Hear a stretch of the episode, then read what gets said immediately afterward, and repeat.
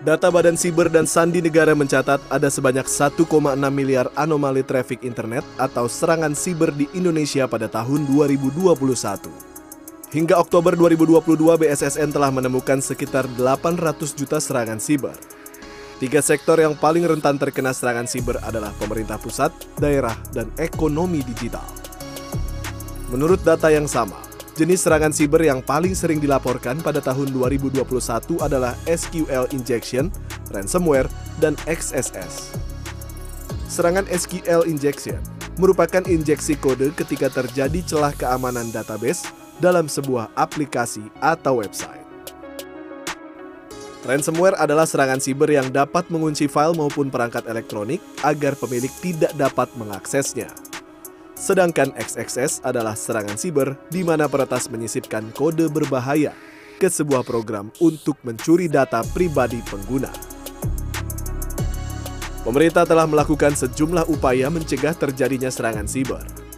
Peraturan Pemerintah Nomor 71 Tahun 2019 tentang penyelenggaraan sistem dan transaksi elektronik serta Undang-Undang Perlindungan Data Pribadi yang baru disahkan pada September 2022 Undang-undang ini diharapkan dapat memperbaiki tata kelola data pribadi, serta memberi sanksi kepada penyelenggara sistem elektronik jika terjadi kebocoran data pribadi yang mereka kelola.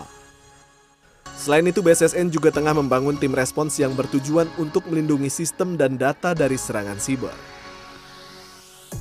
BSSN mendapatkan amanat RPJMN 2020 sampai 2024 untuk membangun 131 CISR Computer Security Incident Response Team. Di mana kita bangun?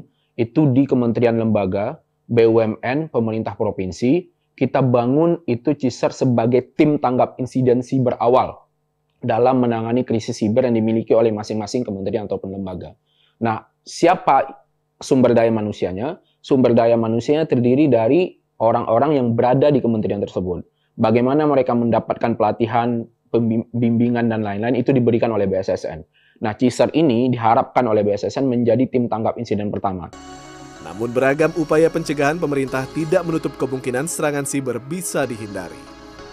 Lantas apa yang harus dilakukan jika data bocor akibat kejahatan siber? Kami bertanya kepada perusahaan penyedia pelatihan teknologi informasi Trainoket. Apa yang bisa kita lakukan saat kita mengetahui kalau data kita ini sudah bocor agar tidak terulang lagi?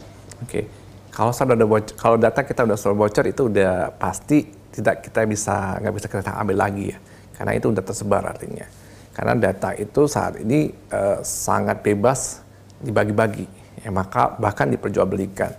Jadi kalau secara setelah kita mengalami data itu bocor, yang perlu kita lakukan satu pasti jangan panik ya. Kedua kita cek data apa yang bocor, ya kan? Apakah handphone, apakah email atau yang lainnya setelah kita tahu data, itu bocor, jadi kita harus melakukan preventif. Jangan sampai itu keterulang lagi. Oke. Nah, seperti saya bilang tadi bahwa misalkan nomor handphone nih bocor. Kadang kan kita tahu bahwa data itu kita bocor yaitu misalkan kita suka terima uh, kontak-kontak atau telepon dari orang-orang yang kita kenal atau kita terima email-email dari orang-orang yang kita kenal. Bahkan ada orang-orang yang blasting uh, iklan-iklan yang macam-macam, ya kan. Nah, kalau kita data itu bocor dari handphone, mungkin salah satu caranya kita menggunakan tadi Truecaller. Truecaller itu kan berarti kita membatasi.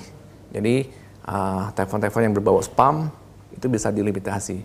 Kedua, kalau kita punya email, ya tadi kita bilang OTP, ada bentuknya OTP, atau kita melakukan uh, double verification. Terus yang ketiga, ada namanya password manager. Jadi kalau sekarang kalau di email itu, pada saat kita login, dia biasanya akan tanya apakah password ini atau disimpan atau enggak. Ya, kan? setelah kita simpan, nanti kita kita login lagi dia akan tanya atau melakukan authentication. Tugas Anda sebagai pengguna adalah menjadi penjaga bagi diri sendiri dengan tidak sembarangan membagikan informasi pribadi di internet.